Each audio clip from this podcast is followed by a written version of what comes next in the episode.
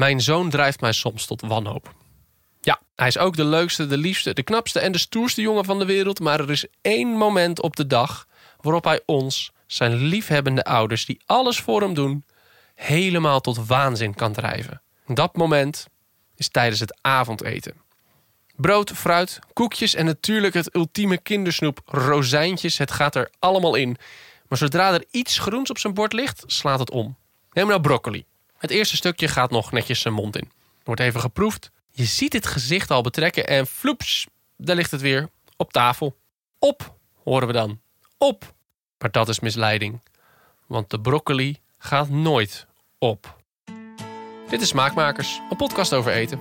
Mijn naam is Segert van der Linden en elke maand praat ik met iemand over eten, drinken en alles wat daarbij komt kijken. Deze maand is Francesca van Berk mijn gesprekspartner. Ze is blogger, je kent haar waarschijnlijk wel van haar blog Francesca Kookt. En daarnaast maakt ze ook elk jaar een complete kookkalender. En ze schreef een boek over de culinaire opvoeding. Mag ik nog een hapje? Dus toen mijn vrouw vroeg of ik niet eens een keer met iemand kon praten over eten met kinderen, wist ik wel wie ik moest hebben. Gelukkig mocht ik aanschuiven aan de grote eetkamertafel van Francesca voor een goed gesprek. Over eten en kinderen dus, maar wees gerust, ook als je geen kinderen hebt, is het leuk om naar deze podcast te luisteren. We gaan het ook hebben over koken met Indonesische oma's en onze gezamenlijke kookzonde, de complete collectie Knor Wereldgerechten. Oh ja, het geluid, dat is soms wat overstuurd. Het komt doordat we zo hard lachen, kunnen we niks aan doen. Het was namelijk gewoon gezellig. Ja, is dus met jou. Hoe begint het? Waar jouw liefde voor eten? Waar komt die vandaan? Die, eh, daar ben ik mee geboren, denk ik. ja, ja, je ouders hebben dat eh, ingegoten. Ja, mijn moeder die kookte heel veel. Die zette me altijd eh, op het aanrecht. Dus ik was er altijd bij. En we gingen ook heel vaak uit eten. Dus ik was heel veel in restaurants te vinden als klein kind. En dat vond ik fascinerend. Dus ik liep ook altijd de keuken in. En dat mocht ook ja, daar is het allemaal een beetje begonnen eigenlijk. Ja. En wat, uh, als je dan naast je moeder zat, wat maakten ze dan? Poeh, van alles. Uh, ik kan me nog heel goed de taarten herinneren. En dan mocht ik daarna altijd de beslagkommen uitlikken. Top. Toen deden we nog niet aan oeh, oeh, rauwe eieren, dat mag niet. Uit, nee joh. Ging allemaal naar binnen, maakte niet uit. Ja. Soep, ze kookte heel vaak soep. En pasta's. Dat zijn wel de dingen die me het meest zijn bijgebleven. Ja. En heeft ze dat dan ook aan jou geleerd? Heb jij kookles gehad van je moeder? Of? Uh, ja, indirect wel. Ik kan me dat niet zo heel erg herinneren, maar ik moet ergens een basis hebben gekregen. En dat zal, is daar geweest. En daarna ben ik ook de horeca ingegaan, als, als jong kind eigenlijk al. Vanaf mijn eh, veertiende had ik al een baantje voor mezelf geregeld.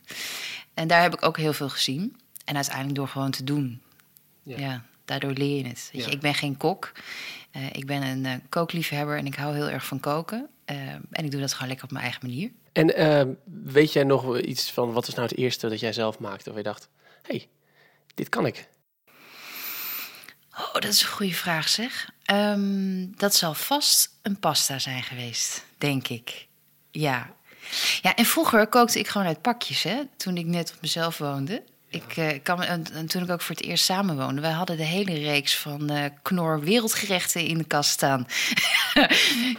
Schaam je niet, die had ik ook allemaal. Ja. Ik heb ze ook allemaal gemaakt, ja. En uh, dus daar was ik ook vast heel goed in, om die te maken. Bij elkaar te gooien. en dan, en dan toch is er ergens een moment geweest dat je dacht... nou, dat Knor wereldgerechten, dat heb ik op een gegeven moment nu wel een keertje gezien. Ja, ja. ja dat is um, gekomen eigenlijk vanaf het moment, nou, voordat ik ben gaan bloggen, toen ik zwanger werd van de eerste. Daarvoor had ik een leven wat heel erg bestond uit werken, werken, werken. En um, toen had ik ook eigenlijk heel slecht en heel, uh, ja, niet uh, gestructureerd. Daarna ben ik me daar wat bewuster van geworden en toen ben ik echt gaan koken eigenlijk.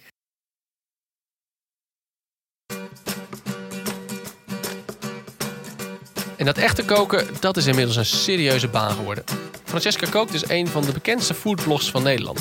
Maar die blog, die moest natuurlijk ergens beginnen. Nou, dat is wel grappig, want ik werkte in de reclamewereld. En ik uh, kan me nog goed herinneren dat ik een keer bloggers had ingehuurd voor een campagne. En toen ging ik ze vertellen wat ze moesten doen. En toen zeiden ze, ja, maar zo werkt dat niet. Wij bepalen zelf wat we gaan doen. En dat vond ik heel gek. En ik snapte eigenlijk niet zo goed hoe het hele bloggerswereldje werkte. En toen ben ik zelf gaan bloggen om te ontdekken wat het nou was. Omdat ik het zo'n fascinerend iets vond. Uh, en dat is een beetje uit de hand gelopen. Klein beetje. Klein beetje Daarom zitten we nu hier, ja. Eh, maar het is dus allemaal ontstaan vanuit mijn reclamevak. Ja. En eh, niet vanuit het idee van, goh, ik wil blogger worden of wat dan ook. Ik heb natuurlijk een beetje voorbereid hier. En ik, kwam nog een, eh, een gesprek van jou tegen, volgens mij, met Miluska Witsenhausen. En die wist mij te vertellen dat jij ooit begonnen bent als, wat was het, koolhydraatarm blog, over koolhydraatarm eten ja, bloggen. ja, ja, ja, goed hè? ja. Ja. ja, wij waren toen in een koolhydraatarme periode thuis. Dat was dus na de eerste zwangerschap. En ik moest echt even kilo's kwijt. En toen dacht ik nog dat dat de heilige graal was. Dat je daarmee, eh, zeg Ja. maar, eh, weer eh, helemaal in je lijf, strak in je lijf kwam.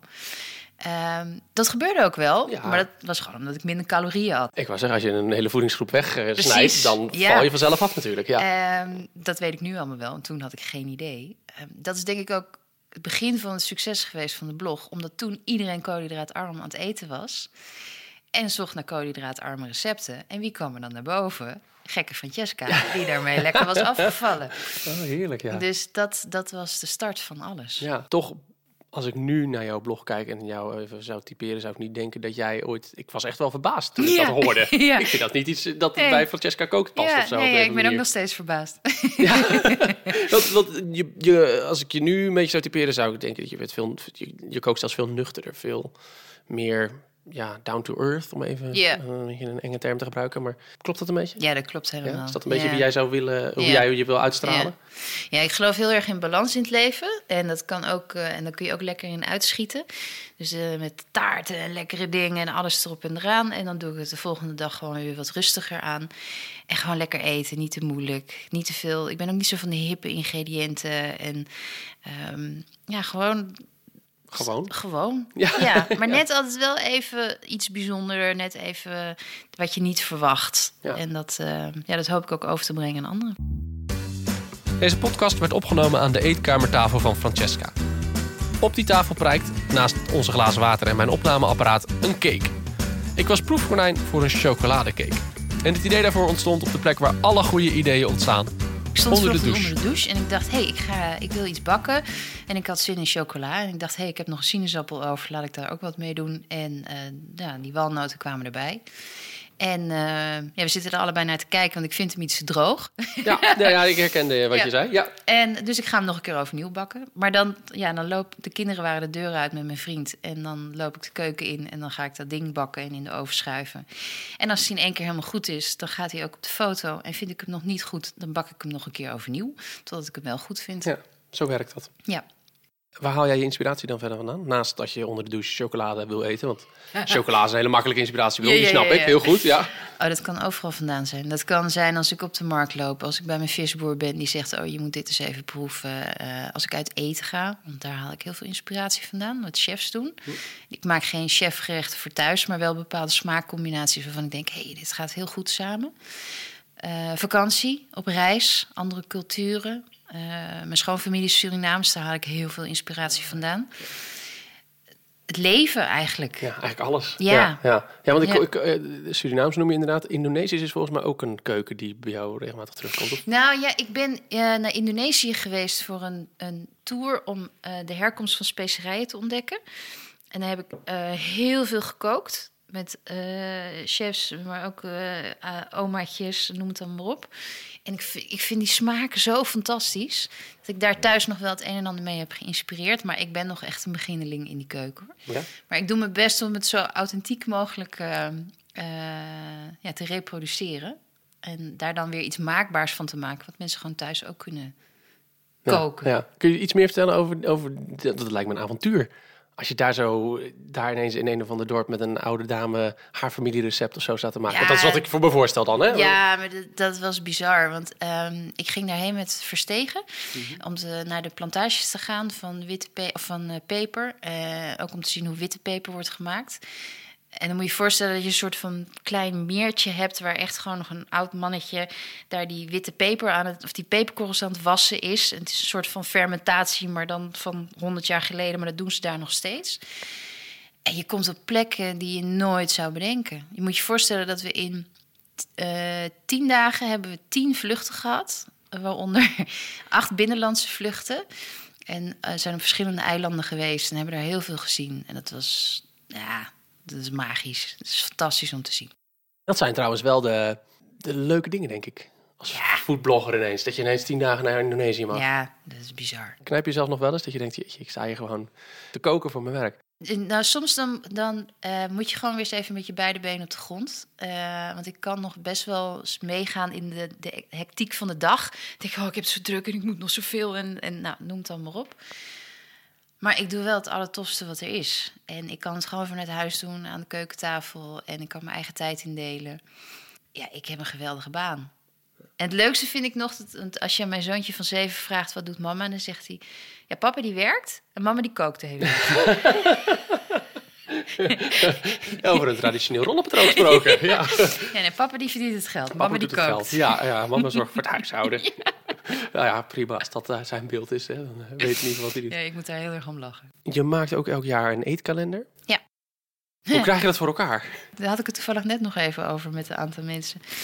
In 2019 komt de vierde uit. Eh, want het was zo'n succes afgelopen jaar dat we dachten, nou, we doen er nog eentje. Gewoon nog een keertje zoveel recepten bedenken. Ja. ja, maar je moet je voorstellen, ik doe het gewoon als het avondeten voor thuis. Ja, ja. Dus, dat heb ik eh, vaker gehoord na de afgelopen tijd. Gewoon, ja, het, komt is niet dat ik extra kook daarvoor. Het is gewoon ons dagelijkse eten. En dat is geweldig, want daardoor heb ik het testpanel aan tafel van een volwassene en een kind en ook nog een dreumes. En dan zie ik gelijk hoe ze erop reageren. En als ik eh, ja, van die lange gezichten aan tafel zie en denk, nou, die doen we toch maar niet. Gaat niet uh, Er jammer maar even wat getweakt worden. Ja, Ehm, maar dat, dat is de, ja, de allerfijnste manier om dat te doen. ja. En dan hebben we nog iemand die ehm, de culinaire redactie op zich gaat nemen. Dus die gaat alle recepten die wij maken checken. eh, zorgen dat het consistent is. Dat we de aardappels altijd 15 minuten koken. En niet de ene keer 17 en de andere keer 20 minuten. Nou, dat soort dingen allemaal. En dan gaan we het opmaken. Eh, maar degene die het opmaakt, heeft dat ook al sinds het eerste jaar gedaan. Dus we zijn ja, heel erg op elkaar ingespeeld. En het is ook geweldig leuk om te doen. Want ga je dan op een gegeven moment een hele week bij elkaar zitten. Of twee, drie weken misschien wel. Met zo'n groot ding om alles te maken. En alles te fotograferen. En alles te... Nee, want als ik het dus middags maak, of, of 's avonds voor het avondeten, dan maak ik een bord en dat zet ik hier op tafel. En dan pak ik mijn camera erbij en dan leg ik er wat leuks bij. En dan maak ik een foto en dan zet ik die camera weer weg en dan gaan we eten. Ah, Zo gebeurt zo dat. makkelijk gaat dat dus gewoon. Ja. Niks fotoshoots met eh studiobelichting en zo daarbij. Nee, gewoon Nee. daglicht. Ideaal. En een Ideaal. beetje nabewerken op kleurcorrectie achteraf. Weet je, het is ook het is een eetkalender voor door de weeks. Voor de, voor de lekkere, makkelijke door de weekse maaltijden. En het hoeft ook niet enorm gestaald te zijn. Ik denk ook dat dat mensen afschrikt. Als het er allemaal veel te mooi uitziet, dan denk je, ja, maar hoe moet ik dat dan maken? Het is gewoon zoals wij s'avonds eten. Ja, Zo, zo komt het ook op de foto. zo simpel is het. Ja. Ja. En dan denk je gezin niet, oh, dan komt mama weer met de fototoestel. Toch wel. Ja. ja. Ja. ja, maar ja, ze zijn het inmiddels wel gewend.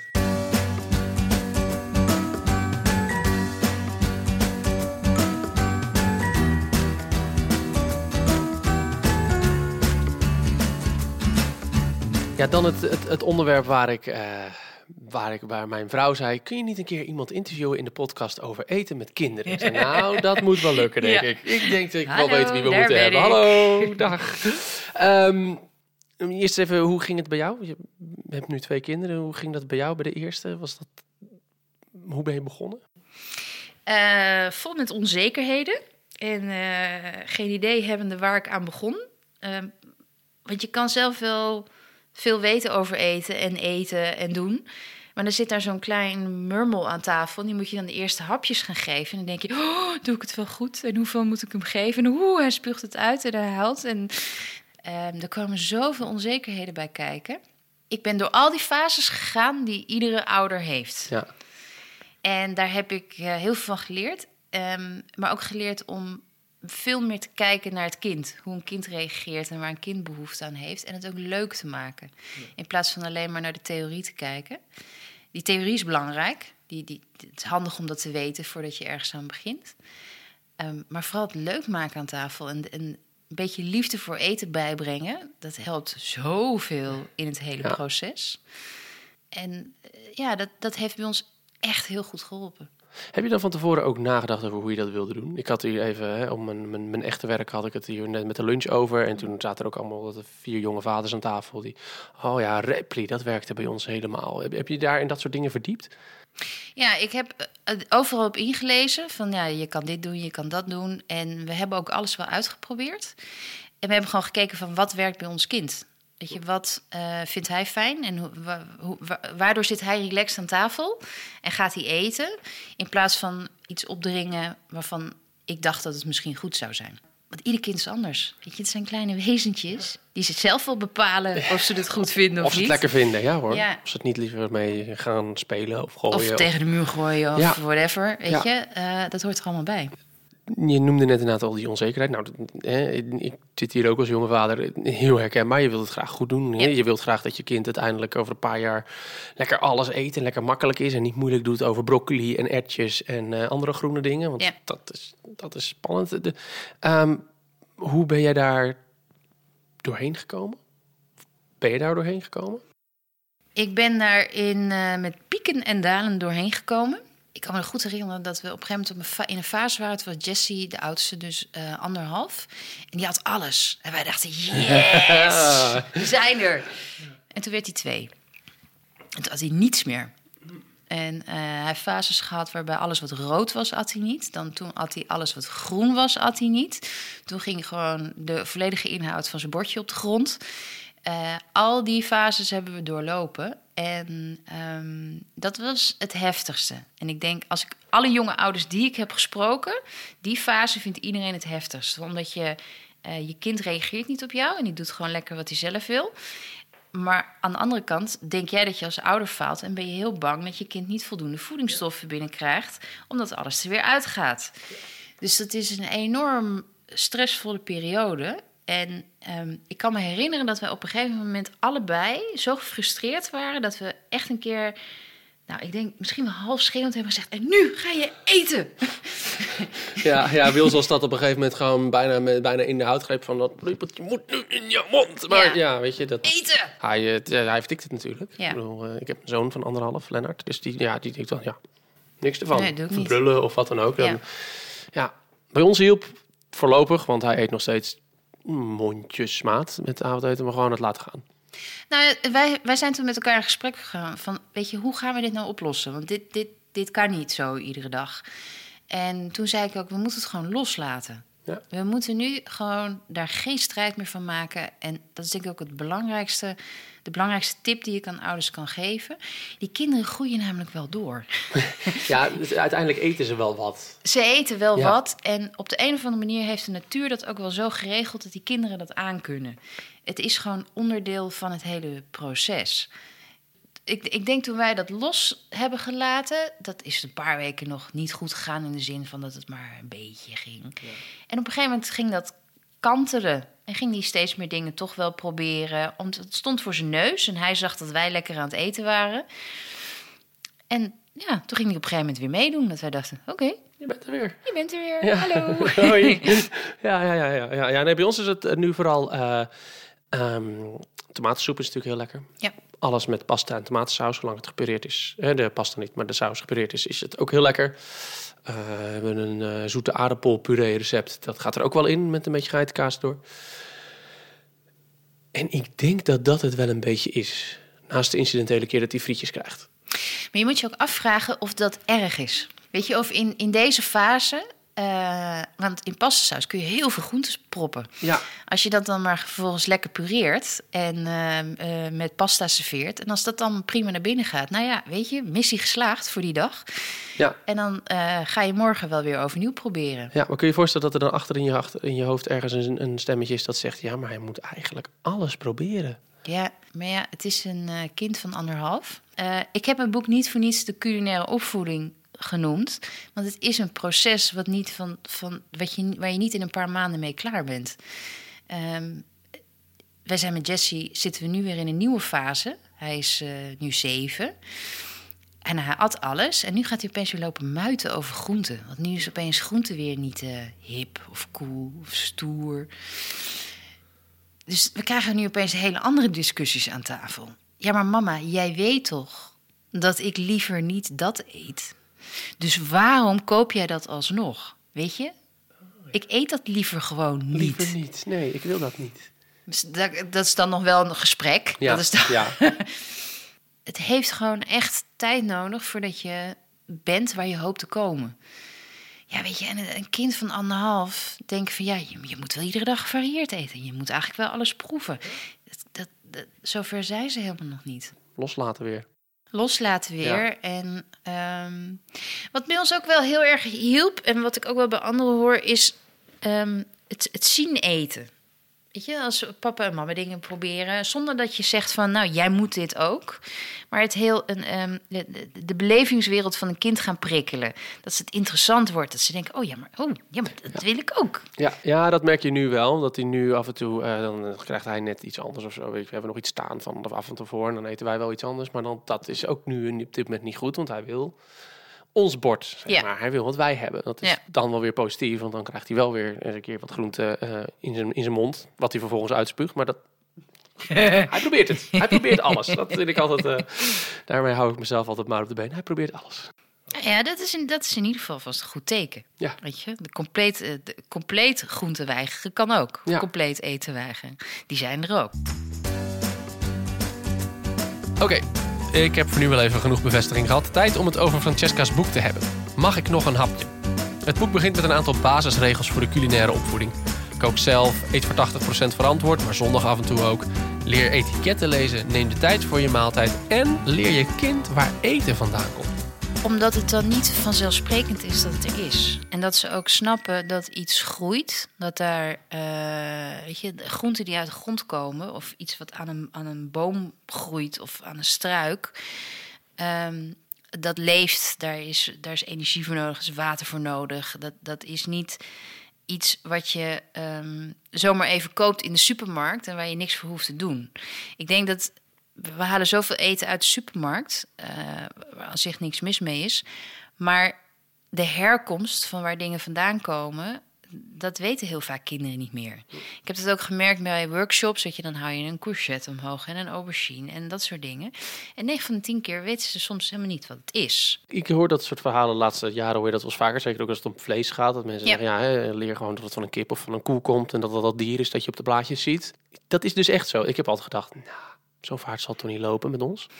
Ja, het is helaas wel zo. Ja. En er zijn, er zijn natuurlijk ook genoeg waar dat niet zo is.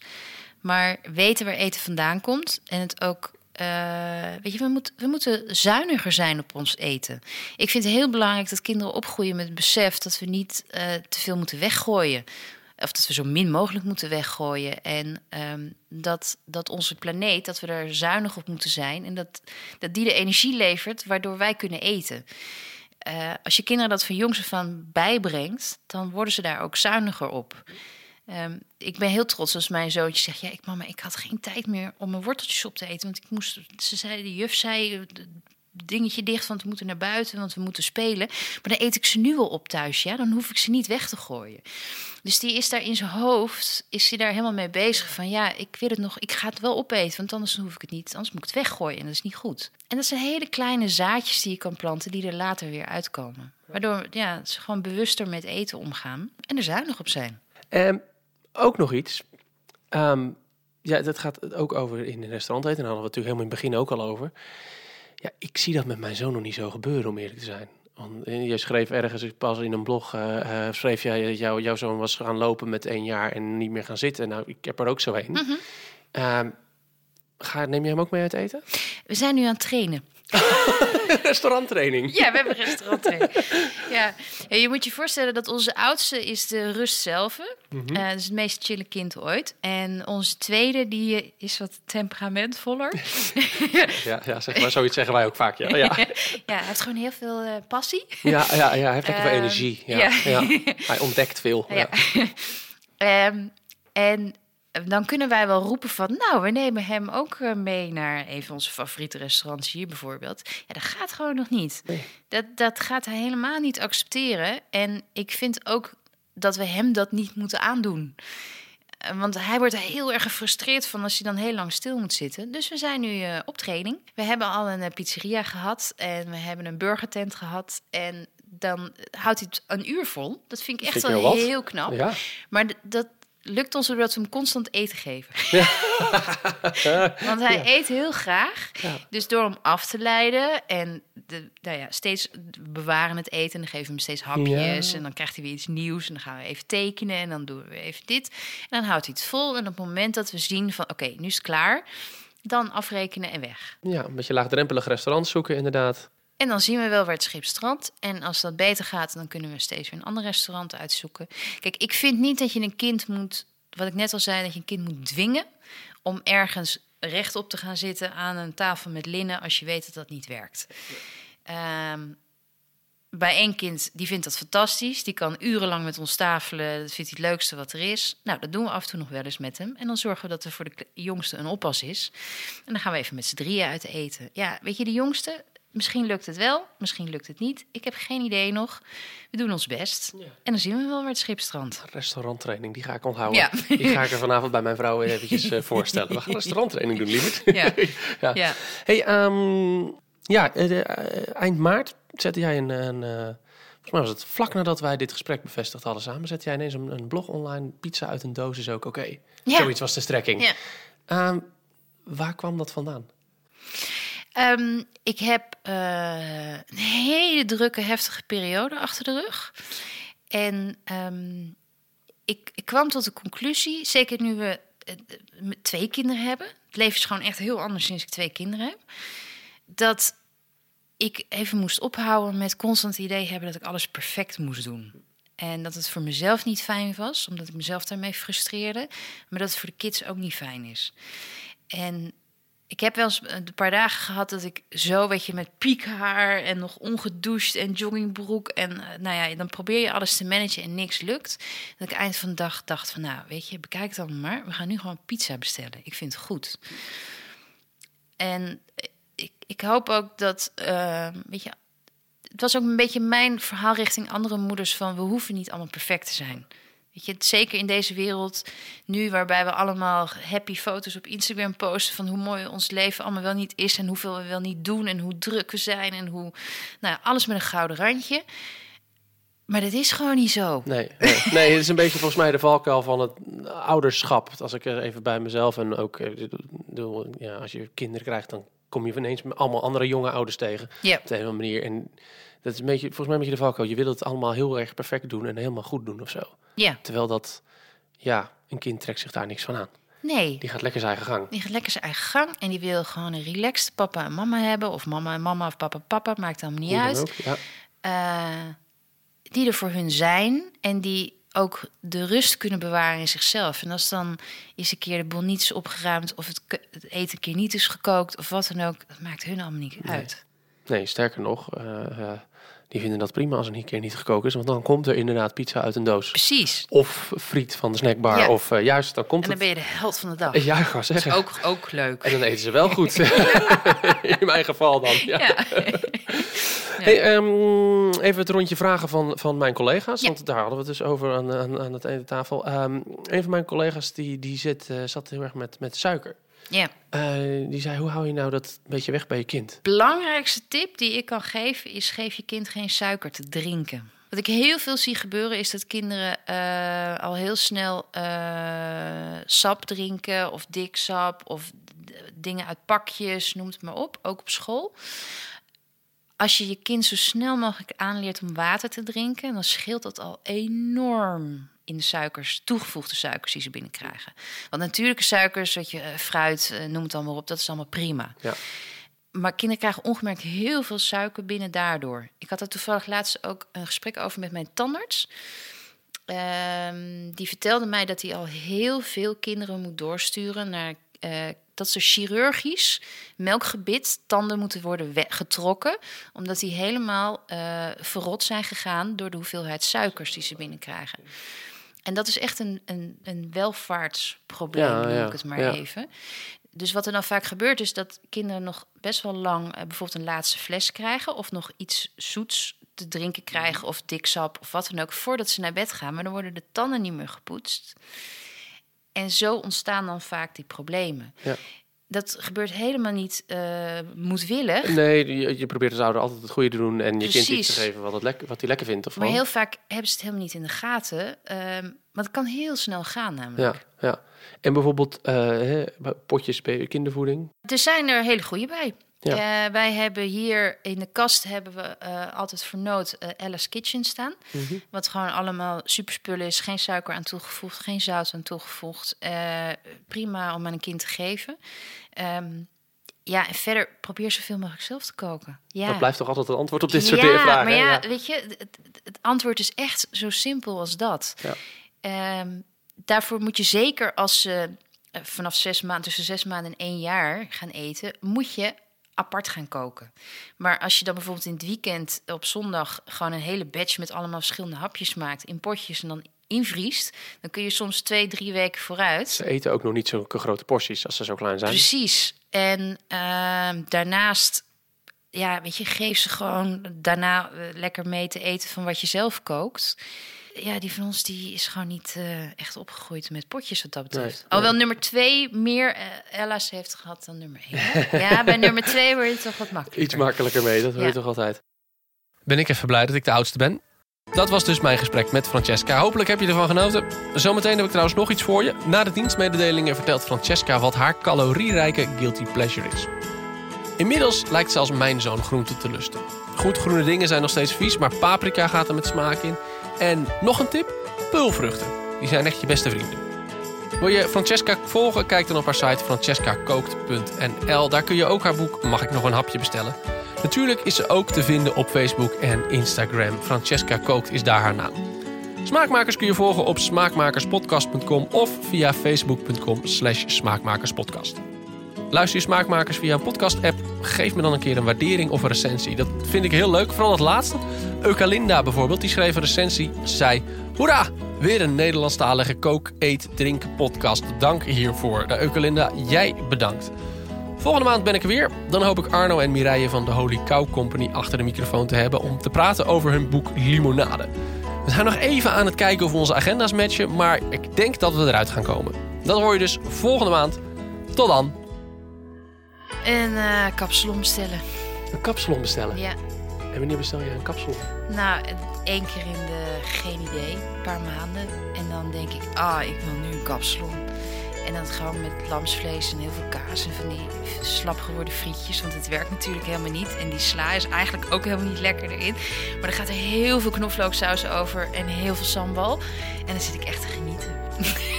ja. Eet je, eet je hem in je eentje op? Ja. Dat zijn nog wat calorieën? Ja, ja nou, ik denk uh, dat ik gewoon vol uh, calorieën voor twee dagen op heb dan. Maar dat boeit me dan ook echt niet. Maar dus daar kan ik dan zo van genieten.